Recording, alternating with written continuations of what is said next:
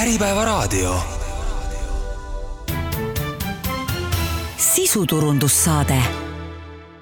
Tervist ja tere kuulama sisuturunduse saadet, täna me räägime liiklusohutusest, autosõidust, see on äh, väga paljudele kuulajatele selline südamelähedane teema ja me räägime sellest äh,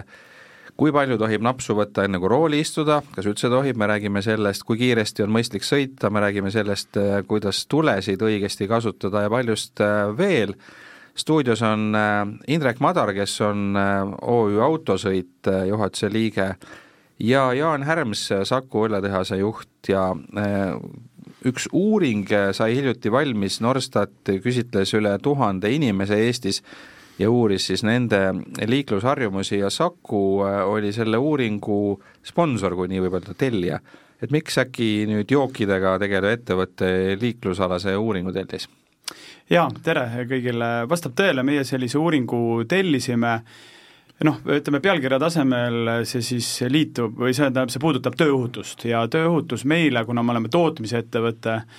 lisaks me ütleme, siis läbi oma ladude ja transpordi liigutame füüsiliselt väga palju oma toodet, et meil on meie omanike jaoks, meil endal on väga oluline, et iga töötaja, kes tuleb hommikul või mis tahes ajal tööle, ta peab jõudma tervena koju. ja tööohutus äh, on see, seetõttu meile prioriteet. Ja mis on huvitav, et kui me nüüd oleme seda tööohutust ja kõikvõimalikke potentsiaalseid ohuallikaid, aga ka õnnetusi nüüd Äh, läbi ka oma kontserni jälginud, siis kõige rohkem tööõnnetusi meil me ei juhtu mitte tehases, mitte laos, vaid tegelikult meie töötajatel töö ajal äh, sõidukiga liik-, liikluses liigeldes, et et seetõttu meid nagu huvitas, et millised need siis ütleme, liiklusohutust äh, peamiselt mõjutavad tegurid on ja, ja ja kuidas siis ütleme, ka oma töötajaid noh, ütleme paremini siis selleks ette valmistada, et õnnetusi vältida mm. -hmm no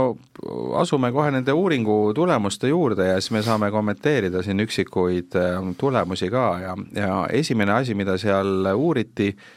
oli äh, alkohol ja autosõit. ja küsimus, et kas te olete kunagi istunud alkoholi tarvitatuna, tarvitanuna rooli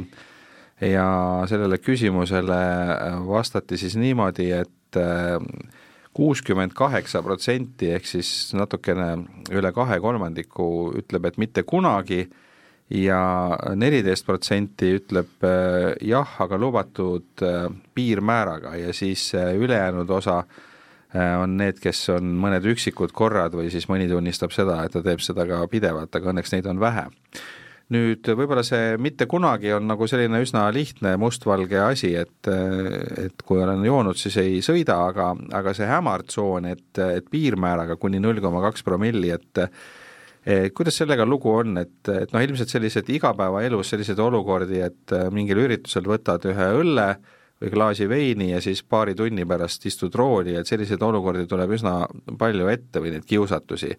et, et kuidas siis nagu aru saada sellest, et, et millal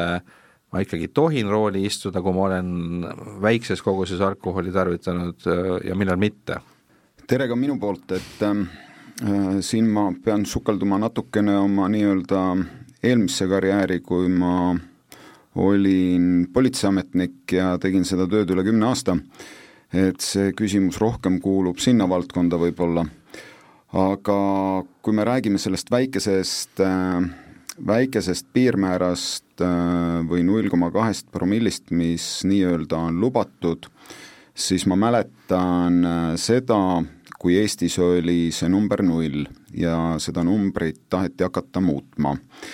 Ja siis see muudeti null koma kahe peale. tollel ajal ma julgeks öelda, et minu õpetaja kes oli Soome politsei ülemkomissar, ütles selle peale, et eestlased, mida te teete, Soomes on see küll täna null koma viis, aga see on selline libe tee, millele te lähete, sellepärast et äh, keegi täpselt ei tea, on see pool õlut, on see sada grammi veini, on see kaks senti mingit veel kangemat alkoholi või on see pudel õlut mis on see kogus, mis mingil kindlal ajahetkel lubab sellel inimesel pärast siis rooli minna veel. ehk igal ajahetkel inimese füüsiline seisund on erinev, vaimne seisund on erinev, palju ta on eelnevatel öödel maganud, kuidas ta on puhanud, kui palju ta on söönud, ehk sõnum on see, et seda ei ole võimalik tuvastada ilma mõõtevahendita. Ja kui me mõtleme täna, et me tarbisime selle koguse mingit alkoholi, me mõõtsime ja et see on nüüd reegel, et ma võin seda alati selliselt teha, siis kahjuks ei ole see, see tähendab seda, et umbes, et kui ma ühe korra sõin kõvasti ja jõin ühe õlle ja kahe tunni pärast rooli istusin ja politsei mind kohe kinni peatas ja ma puhtalt pääsesin, ei tähenda, et see järgmine kord täpselt samamoodi läheks. just. Ja see on ainult läbi mõõtevahendi mõõdetav ja kui me seda ei mõõda, siis tegelikult me seda täpselt ei tea, milline see kogus on. aga kui mul on autos see, see nii-öelda tavaline alkomeeter, mille ma siis äh, kaubandusvõrgus saan osta ja enne rooli istumist seda äh, alkomeetrit kasutan, ma tean, et et need, mida politsei kasutab, on tunduvalt peenemad seadmed, nii-öelda professionaalsed ja taadeldud ja kõik nii edasi, et see, mis ma poest ostan, võib-olla pole üldse nii täpne kindlasti sõltub see sellest alkomeetrist, mida me kasutame, millal see alkomeeter viimati kalibreeritud on, mida selle alkomeetriga tehtud on, et kui need alkomeetrid nii-öelda laiatarbekaubana ühel hetkel hakkasid äh, turule tulema, siis tekkis see olukord, et äh, kasutati neid erinevatel pidudel, see alkomeeter käis nii-öelda käest kätte üle, üle või ümber laua ja kõik see väsitab seda alkomeetrit ja see näit ei pruugi enam olla tõene näiteks kui äh, politseireidide puhul või operatsioonide puhul äh, puhutakse sinna indikaatorvahendisse, millega siis kontrollitakse sinu joovet, siis äh, vähemalt see aeg, kui mina töötasin, siis peale seda vahetati see alkomeeter ära, see alkomeeter pidi teatud aja puhkama, et ta ennast ära puhastab ja võeti asendusalkomeeter ja tehti sellega edasi tööd nüüd äh, ma saan sellest äh, jutust kokkuvõttes aru niimoodi, et tegelikult ainus äh, viis nagu kindel olla on, on, on mitte juua üldse mitte midagi alkohoolset enne rooli istumist, et nii-öelda see nulltolerants on tegelikult ainus asi, mis on nagu selline arusaadavalt mustvalge selge, et kõik need hallid tsoonid on sellised nii ja naa ja ja, ja selle peale nagu ei saa, ei saa loota. ütleme nüüd niimoodi, et kui me vaatame seda joobe joobemäära, siis need olukorrad on ka erinevad, et äh, kui me räägime nii-öelda sellest väikesest kogusest, siis kindlasti ma ütlen, et see nulltolerants on see, et kui te olete tarbinud äh, pokaali veini, siis äh, sõitke taksoga või bussiga. aga see on nii-öelda selle vähese koguse tarvitamise puhul. kui me räägime aga sellest, et on olnud mingit suuremat sorti pidu ja järgmisel hommikul ennast kontrollida, siis äh, seal võib see alkoholi väljaminek äh, verest olla ajaliselt kordades ja kordades pikem, ehk äh, seetõttu võtke varuga aega ja ma arvan, et seal selline indikaatorvahend on küll märgiks, millega tasub ennast ennem kontrollida. et see nii-öelda hommikune oma alkomeetri kasutamine enne rooli istumist on, on põhjendatud? Kindlasti, ütleme niimoodi, et kõik sellised vahendid, mis aitavad meil tuvastada, et me ei ole joobes ja et me oleme valmis liiklusesse minema, kindlasti on äh, lubatud ja, ja õigustatud. aga veel kord rõhutan seda, et äh, see indik-, äh, indikaatorvahend, nii-öelda alkomeeter, ei ole mänguasi, millega mängida, vaid pigem on see töövahend, hoidke, säilitage, kalibreerige, siis on ta võimalikult täpne no praegu tegelikult otsest äh, põhjust, et miks peaks õlut jooma, isegi kui sa õlut väga armastad äh, peol või, või söögi kõrvale, alkoholiga õlut ma mõtlen, ei ole, sellepärast et, et alkoholivabade õllede kvaliteet just nagu maitse osas on on nii palju arenenud, et, et need, kui ma mäletan, kui need alkoholivaba õlled turule tulid siin võib-olla paarkümmend aastat tagasi, siis oli suur nurin selle üle, et nad maitsesid nagu, nagu mitte õlle moodi, eks ole et nüüd on äh, seda maitsevahet peaaegu võimatu teha ja, ja nagu seda argumenti, et, äh, et ma ei taha juua seda alkovaba õlut, kuna see ei maitse nagu õlu, et seda, see argument enam ei kehti äh, aga samas ikkagi sellised linnalegendid liiguvad, et kui nüüd seda alkovaba õlut ka nagu suuremates kogustes juua, et siis ikkagi ta mingisuguse promilli annab, et Jaan, kas see, kas see vastab tõele? no esiteks ma võiks nagu provotseeriva lause siin öelda, ja ma palun siis mitte, mitte kuidagi siis siit kontekstist välja võtta, aga ma ütleks, et õlut juua ja autoga sõita on okei okay. ja täpsustavalt ütlen, et see kehtib siis alkoholivaba õlle kohta. et sa kirjeldasid jah, praegult sellise alkoholivabade õllede, ütleme, võib seda isegi revolutsiooniks nimetada et kunagi, kui need alkoholivabad õlled turule tulid, tegelikult noh, tuligi umbes ainsuses, et, et meie ka näiteks ju ütleme, tootsime, turustasime ühte toodet ja nurinat oli tarbijate poolt palju, sellepärast ega ta tõesti nagu väga nagu hästi ei maitsenud, täna see valik on väga palju laiem, kvaliteet on tõusnud, tegelikult ka üldse kuvand ja noh, mis, mis siin salata, tegelikult nagu tarbijad ka nagu nõuavad seda, et varem võib-olla ei olnud ka nagu seda, seda nõudlust sellisel määral et eh, nüüd, kas alkoholivaba äh, õluga joovet tekitab, eh, noh, kindel vastus on, et ei, et ei tekita, küll aga millele sa võib-olla vihjasid, on siis see, et, et eh, neid meetodeid, kuidas alkoholivaba õlut toota, on erinevaid, et ma ei hakka väga nagu spetsiifiliseks ja tehniliselt detailseks minema, aga põhimõtteliselt on võimalik alkoholivaba õlut toota niimoodi, et sinna alkoholi kunagi ei tekigi, ehk siis seal pole üldse mitte mingit varianti et ta mingit joovet kellelegi tekitaks ja teine tegelikult üldlevinud meetod on see, et tehakse ikkagi valmis täiesti tavaline alkoholiga õlu ja siis alkohol sealt eemaldatakse. ja seal on siis selline äh,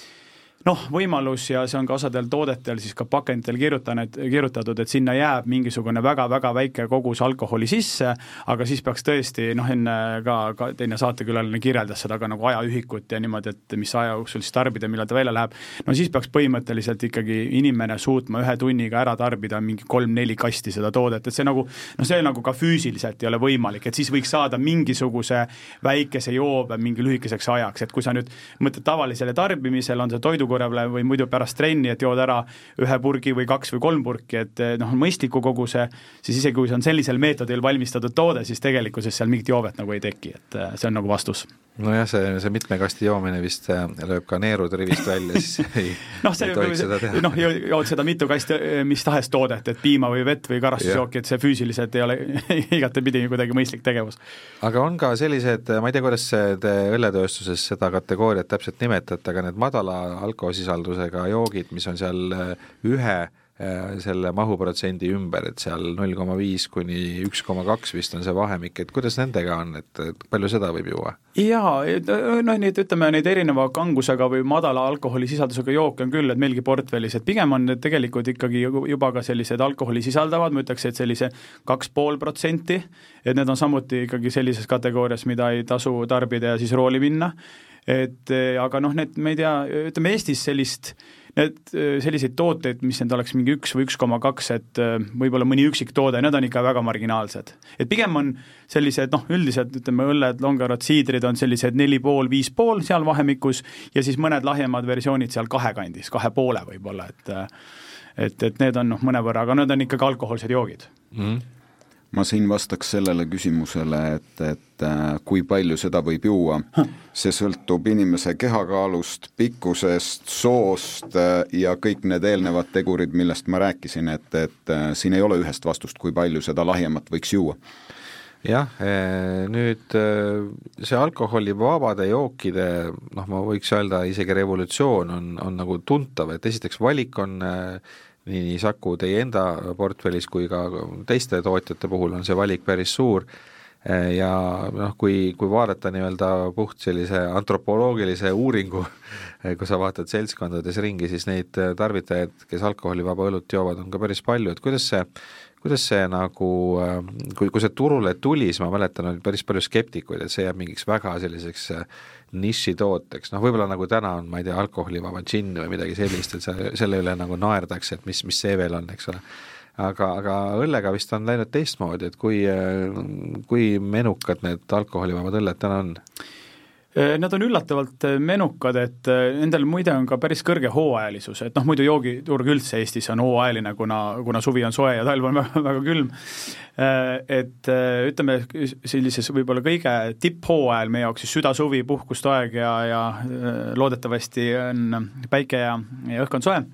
siis alkoholide, alkoholivabade õllede osakaal siis kogu õllekategooriast on, on kuni kümme protsenti, ehk siis iga kümnes õlu on alkoholivaba ja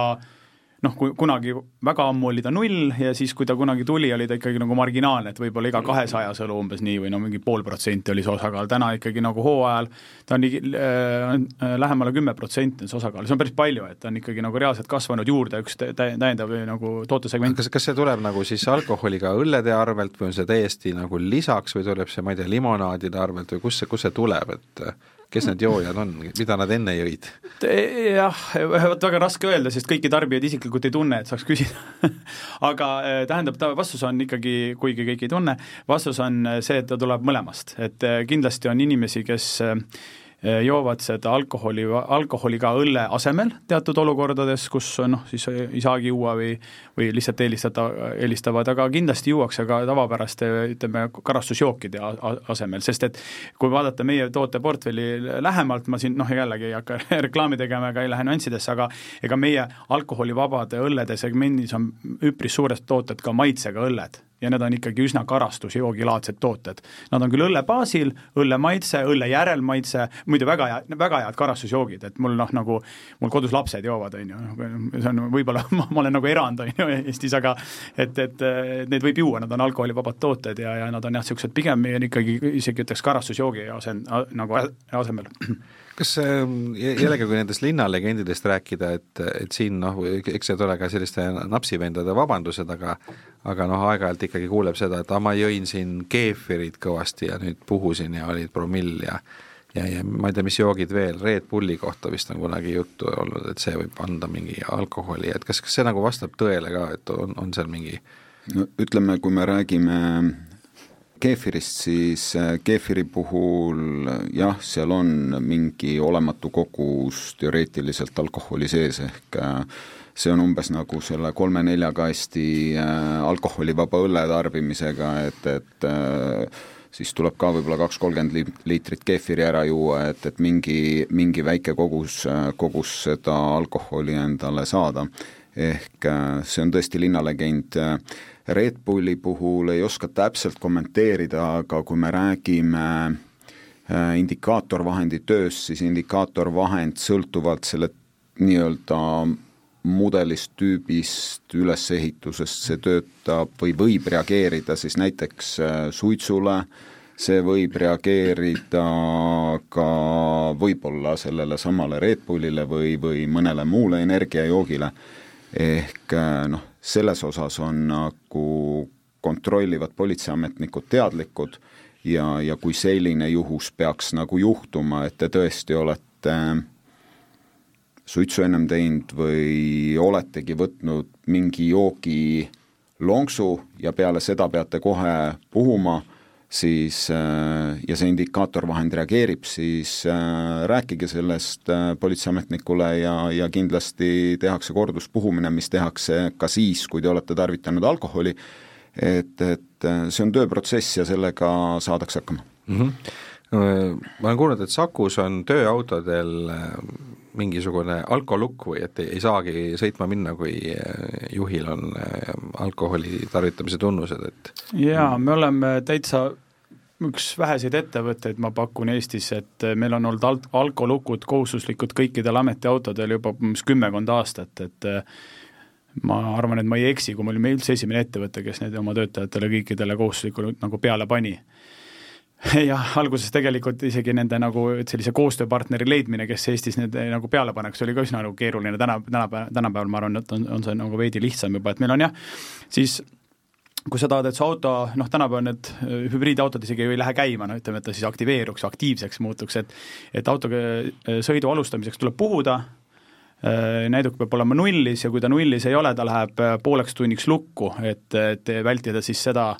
et noh, et puhun ja midagi näitas, et kuule, siis tule sinna sõber, et puhu ja ma saan ikka sõita, et siis, siis ikkagi ei tasu minna ka puhuma, kui sul on oma kahtlus, sellepärast et siis pool tundi ei ole sul mingit muud varianti ka, et sa pead lihtsalt nagu ootama, et ja, ja, ja ma arvan, et see on õige asi, mida, et see meil peal on ja, ja, ja, ja jah, tegelikult ei ole olnud ka mingisugust nurinat kellegi poolt, et töötajad äh, nagu väga hästi saavad ka sellest nagu aru, et äh, lihtsalt ennetava nagu sellise vahendina oleme seda kasutanud. Nii, no selle mm, alko teema lõpuks võib siis öelda seda, et, äh, et kuigi see piirmäär on täna null koma kaks promilli, siis ei tasu seda prii-, piirmäära nii-öelda testima, katsetama minna, et, et reegel olgu ikkagi see, et et nulltolerants, siis on kindel ka, et ei juhtuks mingeid arusaamatusi, kuna, kuna selle piirmäära nii-öelda väljaarvestamine, arvestades nii-öelda inimorganismi ettearvamatust, on peaaegu, peaaegu võimatu. ma tooks siin võib-olla ühe numbri, ühe numbri veel välja, et, et noh, niisugune circa üks protsent on täna neid sõidukijuhte, kes äh, liiguvad Eesti liikluses äh, joobes siis rooli taga.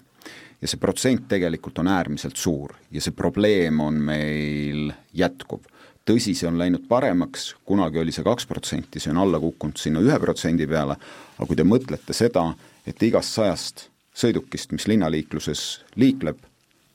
üks joobes juht tuleb teile vastu ja millised võivad olla need tagajärjed,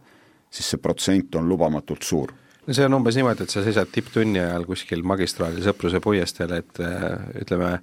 viie minuti jooksul kindlasti üks joobes juht läheb sealt mööda. või isegi sõltuvalt autode hulgast, rohkem isegi, isegi sagedamini jah, jah. nii et, et see on jah, nii, niipidi võttes tundub päris, päris hirmutav nii, aga räägime kiirusest ka, et alkoholile äh, lisaks äh, teine selline peamine õnnetuste põhjustaja on äh, kiirus. Ja see uuring, mida siis Norstat tegi Saku tellimusel tuhande inimese seas, ütleb niimoodi et, et kuuskümmend üks protsenti kinnitab, et mõnikord tuleb ette seda, et ületate asulasisestel teedel piirki-, piirkiirust kümme või kümme kilomeetrit tunnis või enam. ja kaheksa protsenti ütleb, et teeb seda igapäevaselt. Nii et äh, ainult siis üks kolmandik on neid, kes ise väidavad, et nad äh, hoiavad sellest kiirusepiirangust täpselt kinni, aga noh, arvestades üldse uuringute omapära, siis võib vist juba ette öelda, et tegelikult osa inimesi ka tegelikult teeb ennast natuke paremaks, kui nad on, et ega ei juleta tunnistada seda, et nad äh, midagi valesti teevad, et, et karta on, et neid, neid, kes on hästi korrektsed, on võib-olla veel vähem kui üks kolmandik. aga see kümme kilomeetrit või enam, et noh, väga paljude autojuhtide jaoks äh, ma pean tunnistama, et ma ise ka kuulun nende hulka, on, äh, on seal nagu see nüanss, et et noh, sa oled ära, ära testinud äh, või, või mingi isikliku kogemuse näol selle, et kui, kui palju sa võid üle, kiirust ületada, ilma et mingid seadmed sellele reageeriks. et kas või needsamad kiiruskaamerad, eks ole, maanteedel ei, ei registreeri väikest kiiruse ületamist ja, ja siis on alati see spidomeetri teema, et noh, kas või kui teha sellist eksperimenti, et et panna endale telefonisse mingi äpp käima, kus on ka kiirus peal, GPS-i põhine, et siis see tegelikult võrreldes spidomeetriga ka nagu päris üks-ühele kokku ei lähe, eks ole. ja, ja ilmselt see suhtumine ongi niimoodi, et kui ma nüüd natuke üle sõidan, et noh, midagi hullu ei juhtu. noh, asulasisestel kümme kilomeetrit või enam muidugi, see tähendab seda, et sa sõidad siis kuuekümnega, mis on tegelikult juba päris palju, noh maanteel see kümme noh, suhteliselt on, on väiksem rikkumine aga, aga ikkagi, et äh, mis, mis selle asjaga nüüd teha, et, et meil linnas on ka mõned kiiruskaamerad üleval nüüd, väga palju ei ole, aga, aga üldiselt noh, ütleme, kui maanteedel see, see vahelejäämise või trahvi saamise tõenäosus on päris suur, siis linnas see nagu nii sageli ei juhtu, ma ütleks. või, või ma eksin, ma ei tea. no ütleks niimoodi, et ähm, kui küsida, et mida teha, siis ma arvan, et Saku on praegu teinud väga suure sammu, et me sellel teemal juba räägime. et ähm, kümme kilomeetrit tunnis kiiruse ületamist äh, võib olla väga traagiliste, traagiliste tagajärgedega. kui ma toon näiteks sellise näite, et äh, lubatud sõidukiirus on viiskümmend kilomeetrit tunnis, teile jookseb ette ootamatult laps, te märkate teda, reageerite, pidurdate, saate vahetult enne seda last seisma ja kui teie sõidukiirus oleks olnud kuuskümmend kilomeetrit tunnis ehk kümme kilomeetrit tunnis suurem kiirus, siis see seismajäämine enam ei oleks õnnestunud ja te oleksite sõitnud sellele lapsele otsa mingi kiirusega X.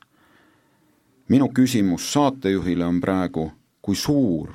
oleks see jääkkiirus või kokkupõrkekiirus selle lapsega uh äh hea küsimus uh,. head minult ei küsitud. no viiekümne ja kuuekümne vahe vist on kakskümmend protsenti, ma ei tea, kui ma niipidi hakkan arvutama, et, et ilmselt siis äh, ma pakun, et umbes kakskümmend kilomeetrit tunnis äkki. õige vastus on nelikümmend üks kilomeetrit tunnis. ja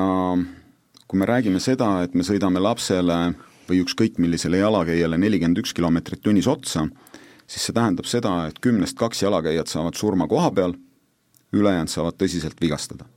kas see, kas see loogika tuleb siis sellest, et see pidurdamise hetkel see nii-öelda lõpp, see lõppots pidurdamisest on, on, mõjub nagu tugevam reageerimisaeg ilmselt. reageerimisaeg, eks ole. siin ongi, hakkabki see asi peale ohu märkamisest. me märkasime ohtu ja nüüd me reageerime. minimaalne reageerimisaeg liikluses on üks sekund selle ühe sekundi jooksul viiskümmend kilomeetrit tunnis liikuv sõiduk läbib neliteist meetrit, kuuskümmend kilomeetrit tunnis liikuv sõiduk aga si-, suurusjärk seitseteist meetrit, see tähendab, et pidurdamine hakkab peale juba kolm meetrit hiljem. Ja see hetk, kui me hakkame kuuekümne pealt pidurdama, oleme me juba viiekümne pealt tegelikult kolm meetrit pidurdanud, ehk kiiruste erinevus selles hetkes, kus kuuskümmend kilomeetrit tunnis liikuv sõiduk hakkab pidurdama, ei ole enam mitte kuuskümmend ja viiskümmend, vaid kuuskümmend ja mingi kiirus X, mis on juba mm. viiekümnest mm. maha pidurdatud mm. -hmm. teine pool on see, et intensiivsem kiiruse vähendamine toimub pidurdusteekonna lõpufaasis. ja nüüd ongi see, et kiirus äh, esimestel meetritel pidurdades väheneb vähem ja lõpumeetritel toimub intensiivsem kiiruse vähene, vähendamine. ja kui me nüüd võrdleme kiiruseid viiskümmend ja seitsekümmend, kakskümmend kilomeetrit rohkem, see tähendab seda, et me sõidame sellele jalakäijale otsa kiirusega kuuskümmend kilomeetrit tunnis, seal, kus viiekümne pealt sõiduk oleks peatunud. ehk äh, seal on surmatõenäosus protsent äh, seitsekümmend. ja ülejäänud kolm võib-olla lükkavad elu lõpuni kahte ratast niimoodi kätega Mm -hmm. et need on tegelikult äh, väga karmid numbrid ja ma ütleks pigem seda niimoodi, et võib-olla me täna igapäevaselt ei teadvusta seda, mis kaasneb või järgneb meie tegevusele, kui me seda kiirust ületame. kas see kiirusekaamera on punktis A või punktis B statsionaarne noh, olgem ausad, äh, nii nagu saatejuht ütles, et ta sõidab Läänemaale, siis ta teab, et peale haruteed on üks kiirusekaamera siis äh, tuleb seal äh, ühe pika lauge kurvi juures, kus on üks ringrada, järgmine kiirusekaamera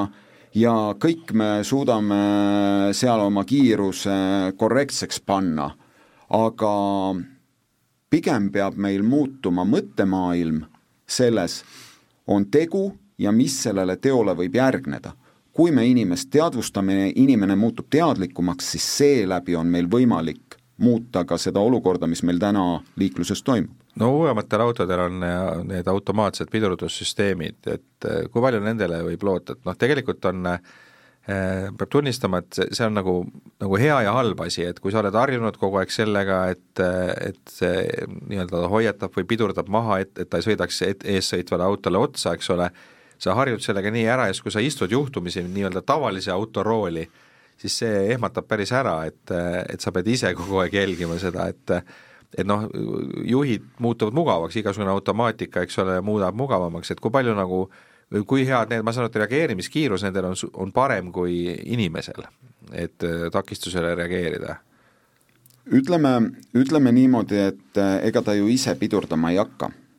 ta ühel hetkel hakkab ise pidurdama, aga siis, kui juht enam reageerinud ei ole, kindlasti on sellest abi, et äh, vähendada tagajärgi, aga kui me nüüd vaatame tegelikult sellist üldist liiklusõnnetuste statistikat viimaste aastate lõikes, siis ega õnnetuste statistika muutunud ei ole. meil on õnnet-, õnnetuste statistika suhteliselt stabiilne. kui me räägime hukkunud või vigastatud äh, inimestest, siis jah, see protsent kohati võib olla päris suur, aga see on tingitud pigem sellest, et see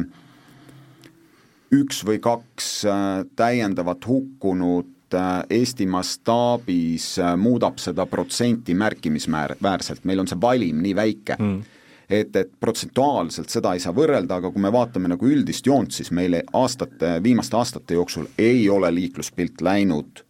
drastiliselt hullemaks ega drastiliselt paremaks, me tiksume seal ühe koha peal, me oleme saavutanud mingi taseme ja see tase on tulnud kindlasti paremate teede, turvalisemate sõidukite ja võib-olla ka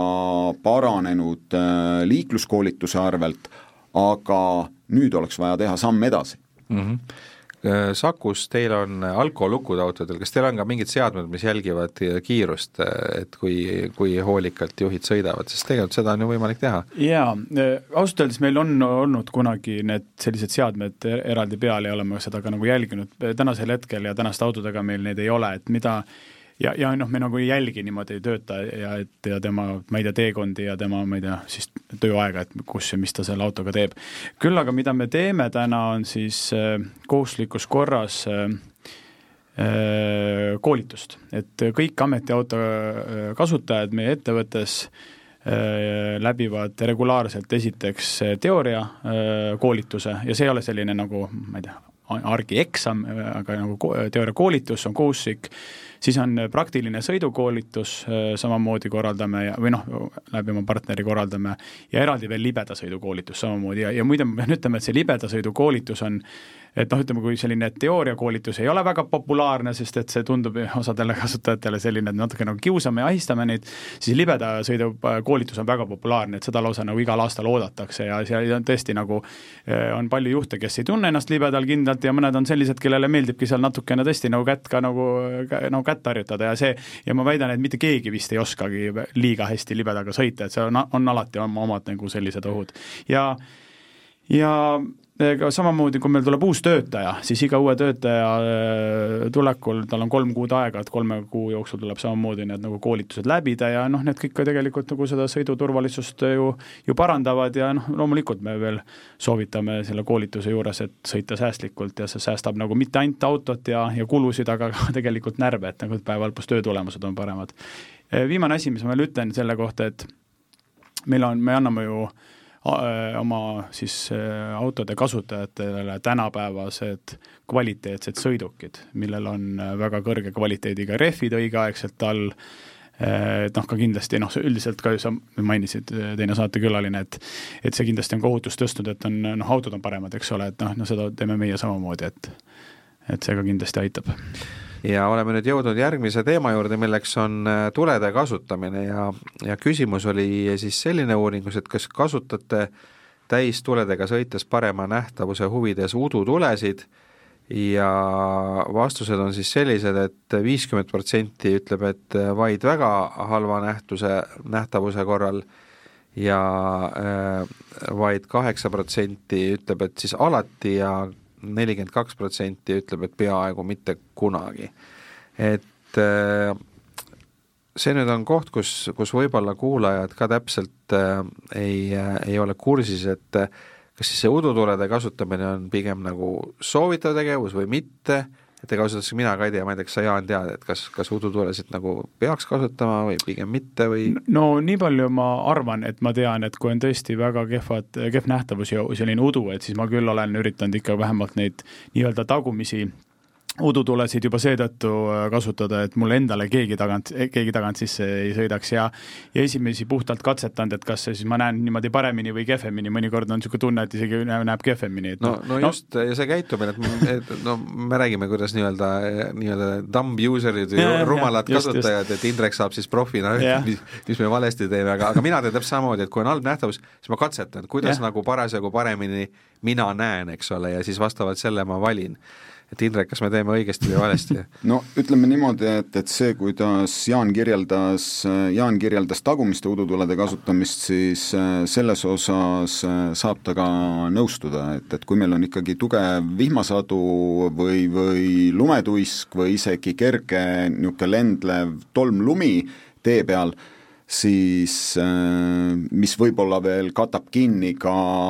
nii-öelda auto tagaosa ja teie tuled, siis igal juhul sellisel juhul on mõistlik tagumist udutuld kasutada. nüüd, kui me räägime esimesest, esimestest udutuledest, siis siin ma tooksin jällegi sisse sellised kõige pragmaatilisemad asjad ehk äh, natukene matemaatikat ja meetreid. kui me räägime udutule valgusvihust, siis udutule valgusvihk valgustab sõiduteed suurusjärk viisteist meetrit. see tähendab seda, et äh, kui te sõidate kiiremini kui kuuskümmend kilomeetrit tunnis, võib-olla isegi mõned kilomeetrid allapoole, siis te sõidate juba udutule valgust vihust ettepoole. ehk piltlikult öeldes inimese reageerimisaeg on üks sekund,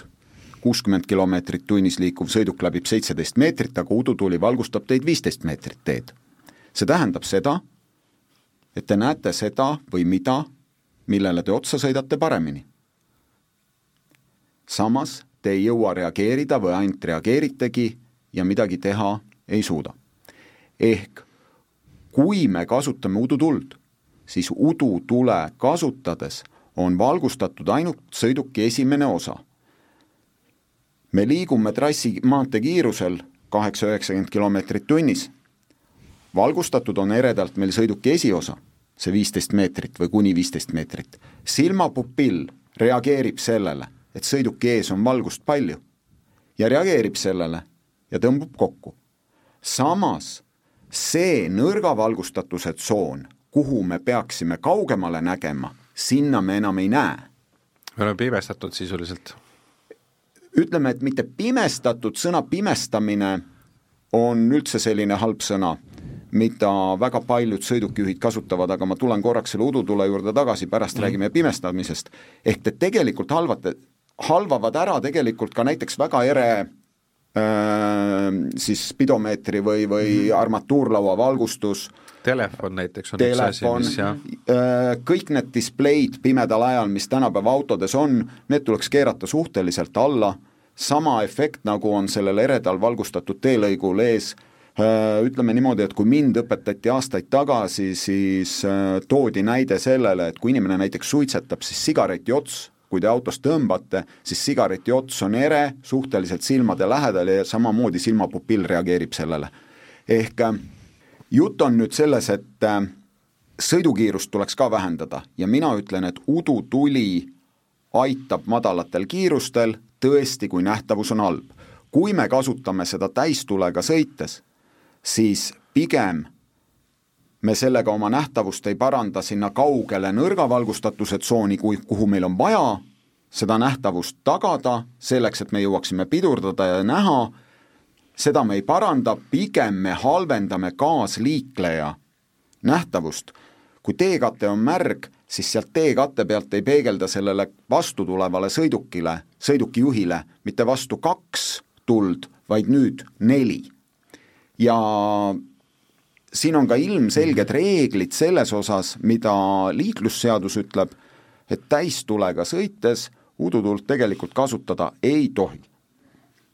Et udutuld tuleks kasutada siis, kui sa sõidad äh, väikese kiirusega äh, ja kui on väga halvad äh, ilmaolud, ehk et udu või vihm ja, ja sa võtad, võtadki kiiruse umbes viiekümne peale, et siis on sellest nagu kõige Just, rohkem kasu. kui me räägime veel kurvilistest teedest, siis udutuli valgustab tõ-, sõidutee servasid ja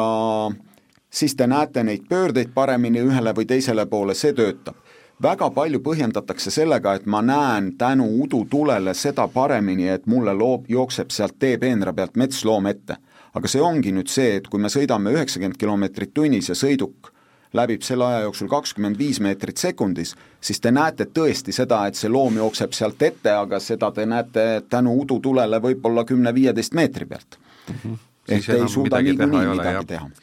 aga täistuledest rääkides, äh, see on muidugi üks äh, pimedal ajal sõites kõige häirivamaid asju maanteel, kui vastutulejad autod ei äh, võta neid maha, tihti on ka äh, Äh, see teema, et kui on reljeefi, noh me, meil seda väga palju ei ole, aga kui, kui tuleb äh, auto näiteks mäest üles või mäest, noh pigem mäest üles siis jah, et siis see valgusvihk näitab kõrgemale ja siis, äh, siis see pimestab ja, ja siis ka vahel, eriti veoautodel on, tundub küsimus selles, et kui on väga raske laadung seal taga, et siis ta ka vist vajutab seda esiotsa kõrgemale ja siis jällegi äh, valgustavad need täistuled äh, otse silma, et äh, mis, mis seal äh, selline hea nõuanne on, et kuidas sellesse täistuledesse suhtuda nii ise kasutades, kui, kui mida siis ikkagi teha, kui, kui see vastutulev auto sul, sulle neid tulesid näkku laseb? Siin oli tohutult palju küsimusi, kõigepealt võib-olla lähtume sellest, et me eeldame seda, kui me räägime tulede kasutamisest, et kõik sõidukid on tehniliselt korras, tuled on reguleeritud. kui me hakkame erijuhtudest rääkima, siis see läheb väga laiaks. no ühesõnaga, teeme tuled korda kõigepealt. teeme kõigepealt tuled korda, laseme nad ära reguleerida ja räägime nendest juhtudest. nüüd äh, mina ütleks niimoodi, et äh, kui Eesti liikleja on milleski viisakas, siis Eesti liikleja on viisakas selles osas, et ta võtab need kaugtuled liiga varakult maha. see on tegelikult väga ohtlik ja see on tegelikult irooniaga öeldud, et ta on viisakas. sellega muutub kahe sõiduki juhi liikumine pimedas oluliselt ohtlikumaks. kui kaugtuli valgustab meil saja viiekümne meetri peale, siis lähitule valgusvihk ulatub äh, suurusjärk neljakümne viie meetri peale, ehk me näeme kolm korda vähem. Üheksakümmend kilomeetrit tunnis liikuv sõiduk läbib kakskümmend viis meetrit sekundis, ehk teil jääb maad selle takistuse märkamisel lähitulega sõites pidurdamiseks kakskümmend meetrit. üheksakümne pealt ja kahekümnega kindlasti seisma ei saa, ehk seal on oht. ja see oht on tegelikult meil sisse genereeritud iga pimeda sõidu puhul, mis me maanteel teeme. me oleme seda, kuidas ma siis ütlen, seda ohtu või riski tolereerinud et ühesõnaga, et, et, väiksem risk on äh, nii-öelda, te ütlesite, et pimestama pole hea sõna, aga see on nagu ta, tavakäibes siiski, et, et väiksem risk on pimestada vastutulejat kui seda, et võtta tuled maha ja jääda ise pimedusse? Äh, just, ehk me ei pimesta vastutulevat sõidukijuhti, kui kahe sõiduki vahe on kolmsada meetrit. ehk see on see koht, kus kaugtulede vihud ühtivad. Ajaliselt on see niisugune, kui te hakkate lugema sõidukite kohtumiseni kakskümmend üks, kakskümmend kaks, siis suurusjärk kuus-seitse sekundit. see aeg te jälgite sõidutee ja ka ennem jälgite sõidutee parempoolset teeserva, ehk te ei suuna oma pilku mitte vastutuleva sõiduki esituledesse, vaid jälgite parempoolset teeserva. ja kui toimub siis suurusjärk kolmesaja meetri pealt tulede vahetus, siis samamoodi te jälgite parempoolset teeserva ja oma sõidutee osa. ja suurusjärk üks kuni kaks auto pikkust enne sõidukite kohtumist võite te tuled lülitada ümber juba kaugtuledeks tagasi. sellega te vastutulevat sõidukijuhti ei pimesta ega ei häiri samas avaneb teil kümme meetrit varem see pime tsoon, mis tegelikult tekib vastutuleva sõiduki külje peale. ja seeläbi, kui seal on mõni jalakäija, siis te olete võitnud võib-olla väga vajalikud kümme meetrit, mis puhul te jõuate reageerida ja tegutseda see oli väga, väga väärtuslik info, ma ei ole ausalt öeldes selle peale ise kunagi niimoodi mõelnud, et jaa, ma ise hakkasin mõtlema, ma vist sain kinnitust ühele oma nagu mõttele, mis mind on natuke nagu tuledega nagu vaevanud, et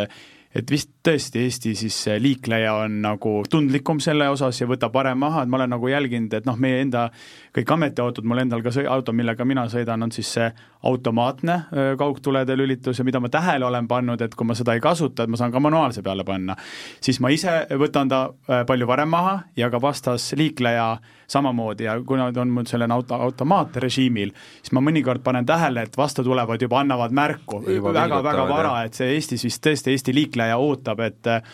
et see võetakse maha palju varem, kui see automaatlülitus seda teeb. Ja, ja nüüd ma nüüd ei tea, kas automaatlülitus on kõige paremini seadistatud või mitte, aga, aga pigem vist on. No pigem on ta ikkagi täitsa okei ja ta töötab õigemini kui meie viisakas liikleja, aga tegelikult et äh, ma ütleks, et ärgem olgem siin nii viisakad, oleme kuskil mujal liikluses viisakamad. jah, ei ma olen ka nagu ikkagi jäänud kasutama nüüd viimasel ajal küll, viimased aastad seda automaatrežiimi ja siis alguses natuke kartsin, et kui ma nüüd tõesti õigel ajal maha ei võta ja siis, kui ma maha ei võta, kes seal vastas autoroolis on võib-olla natukene sellest riivatud mingi politsei võib-olla veel sõidab mulle järgi ja hakkab mind selle eest karistama, aga seda vist ei ole nagu loogiline, loogiline nagu eeldada, et seda juhtuks nii, äh, üks teema veel mahub saatesse ja see on äh, säästlik äh, autosõit, et see nüüd otseselt nii-öelda liiklusohutust elude säästmise mõttes nii, nii palju võib-olla ei puuduta, aga, aga säästlik on oluline nii eraisiku kui ettevõtte jaoks, kõik tahavad ju hoida hoida kütusekulu kokku, ma siin enne saadet rääkisin sellest, kuidas ma eelmine suvi proovisin siis säästlikult sõita ja, ja tegin igasugu eksperimente ja avastasin selle, et kui ma sõidan mingi suurema auto tuules umbes kaheksakümnese tunnikiirusega, kaheksakümmend kilomeetrit tunnis, siis kütusekulu langes äh, võrreldes selle nii-öelda tavapärase sõiduga, mis on seal üheksakümne, saja vahel, äh, langes äh, ütleme keskmiselt sealt kuskilt seitsme seitsme liitri pealt sajale umbes viie peale või isegi, isegi alla selle kohati, et noh, päris märkimisväärne võit, et mitu, mitu eurot ikkagi saja kilomeetri peale õnnestub kokku hoida niimoodi samas äh, kaasliiklejaid ajab see närvi, kui sa sõidad kaheksakümnega maanteel, et Indrek, kas kaheksakümnese tunnikiirusega maanteel, kus on lubatud üheksakümmend sõita, kas see, see on ohutu käitumine? ma arvan, et äh, kui seda mõistlikult teha, siis see on ohutu käitumine. Ehk äh, kindlasti tuleb jälgida tahavaatepeeglit ja mis seal tagapool toimub ja vajadusel tõmmata tee parempoolse serva peale ja lasta need kiiremad sõidukid, kes siis taha on kogunenud mööda, ehk äh, sinu sõidukiirus sellest ei vähene, kui sinust mööda sõidetakse. see tähendab ka seda, et, et äh, kui sa sõidad üheksakümnega ja keegi rikub ja sust tõesti mööda tahab minna, siis äh, mina ei soovita küll äh, autojuhtidele kedagi kuskil kasvatama hakata liikluses, vaid las ta liigub ja iga ametnik teeb oma tööd. et kui tulla säästliku sõidu juurde tagasi, siis jah, ma arvan, et, et saab kaheksakümmend kilomeetrit tunnis Eesti maanteedel sõita ohutult küll. ja miks see ki-, või miks see kütusekulu väheneb, on tegelikult see, et kui me vaatame tuuletakistust, siis äh, tuuletakistus kasvab ruudus. tõstad kaks korda kiirust, tuuletakistus kasvab neli korda ja sealt see kütusekulu võit tuleb, juba väike kiiruse vähendamine aitab oluliselt kaasa meie kütusekulu, kütusekulu, madalamale kütusekulule siis. Aga kui me räägime madalamast kütusekulust, siis äh, kui maanteel on suures piires võimalik seda hoida oma kiiruse valikuga, siis linnas on selleks oluliselt rohkem võimalust juhil teha. ja me korraldame tegelikult säästliku sõidu koolitusi ja ma siiamaani mäletan ühte koolitust, kus äh, üks inimene tuli meil Tartus koolitusele ja tema kütusekulu võrreldes siis enne koolitust ja peale koolitust vähenes viiskümmend neli protsenti ehk kui te mõtlete selle peale, et iga teine paagitäis kütust tasuta mis ta siis valesti tegi? Äh, ma küsiks seda, et mis ta õigesti tegi. aga noh, põhitõed on see, et kui me räägime manuaalkäigukastist, siis manuaalkäigukasti puhul vaheta kõrgemale käigule võimalikult kiiresti, linnaliikluses juba viiskümmend kilomeetrit tunnis täiesti vabalt, tänapäeva sõidukid võimaldavad sõita meil viiskümmend kilomeetrit, viiskümmend kilomeetrit tunnis viienda käiguga, ehk mida madalam on äh, Äh, sinu käik, seda kõrgemal on pöörded, seda rohkem äh, kulutatakse kütust, ehk sa kasutad seda madalamat äh, käiku ja kõrgemaid pöördeid võimalikult vähe, kiiresti, sa ei sõida niimoodi, et sa sõidad kolmanda käiguga võib-olla kolmsada meetrit või nelisada meetrit, vaid see käiguvahetus toimub nii-öelda mõnusas ühtlases tempos siin ei ole see, et sa vajutad gaasipedaali täiega põhja ja, ja lased need pöörded kõvasti üle kahe tuhande pöörde. see on üks pool. Äh, automaatkäigukastiga on see meie eest tegelikult ära tehtud, aga automaatkäigukasti puhul ja ka manuaalkäigukasti puhul on linnaliikluse puhul väga oluline see, et me hakkaksime jälgima seda liiklust ja selle liikluse jälgimisega tõuseb tegelikult ka liiklusturvalisus. pikivahe muutub pikemaks sellepärast sa ei saa olla kinni eessõitva sõiduki juhi sõidumaneerist, kui sa suudad seda pikivahet reguleerida, ütleme, ühtlases liiklusvoolus jalaga, gaasipedaaliga, ehk sa ei pea hakkama kasutama piduripedaali, siis see pikivahe on suures piires õige ja see on sinu jaoks turvaline ja see on üldjuhul pikem, kui äh, liiklusreeglid seda ette minimaalselt siis ette näevad. Ja kõik äh, pidurdamised äh, tuleks teha käiguga,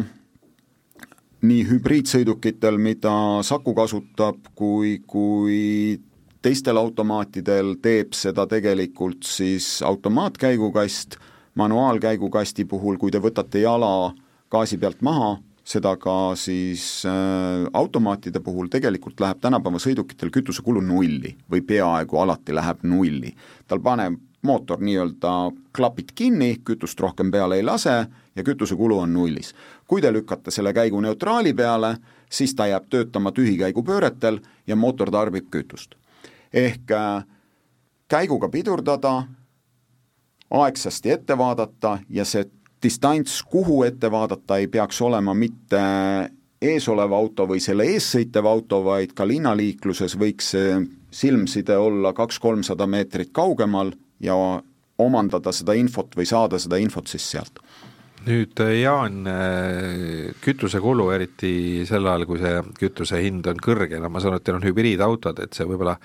nii hirmsasti teid ei mõjuta, aga ikkagi, mis, mis akusse on võimalik ära teha, mis te olete teinud selleks, et äh, kütusekulu vähendada, et säästlikumalt äh, sõita? jaa, ma hakkasin, kuulasin siin väga huviga, et äh, ja hakkasin kohe nagu rahakoti peale mõtlema, et esiteks nagu ise ettevõtjana ja soovitus ka teistele, et ma ei tea, milline kuulaja ei tahaks säästa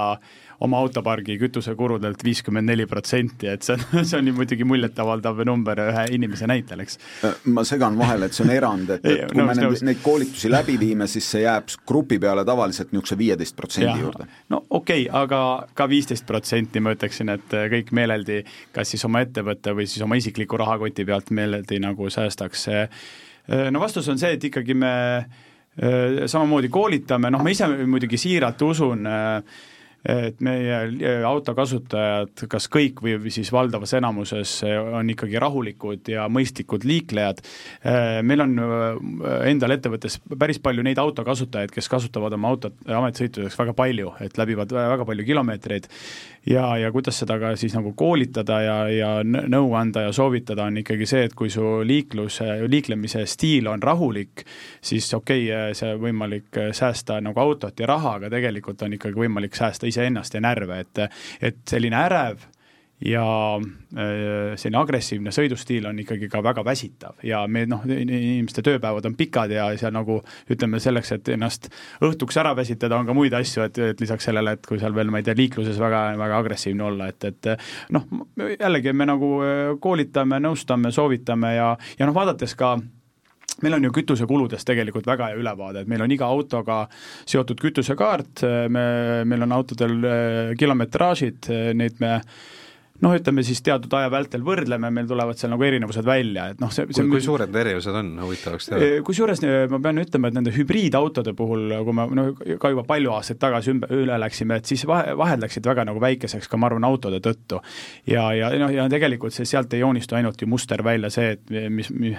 mis stiil on, ma ei tea, Toomasel ja, ja, ja, ja Lembitul, vaid vaid seal on ka tegelikult nagu piirkondade eripära, linnasõit ja rohkem selline mm. asulaväline või maanteesõit, et et ühesõnaga, aga, aga noh, ütleme, vahed on üsna väikesed ja mm., ja, ja noh, ja siis üldsegi tegelikult need hübriidautod on ka, ongi väga säästlikud ka, et, et võib-olla seal isegi seda viiteist ja rääkimata viiekümnest protsendist isegi sa isegi ei saa saavutada, aga aga noh, ma elan nagu usus, et ikkagi me oleme selle säästu juba eh, tänu koolitustele siin Indrekuga ka koos, et eh, juba nagu ka saavutanud, et lihtsalt tuleb meelde tuletada ja uusi töötajaid, kui värbame, alati kohustuslikus korras ka samamoodi koolitada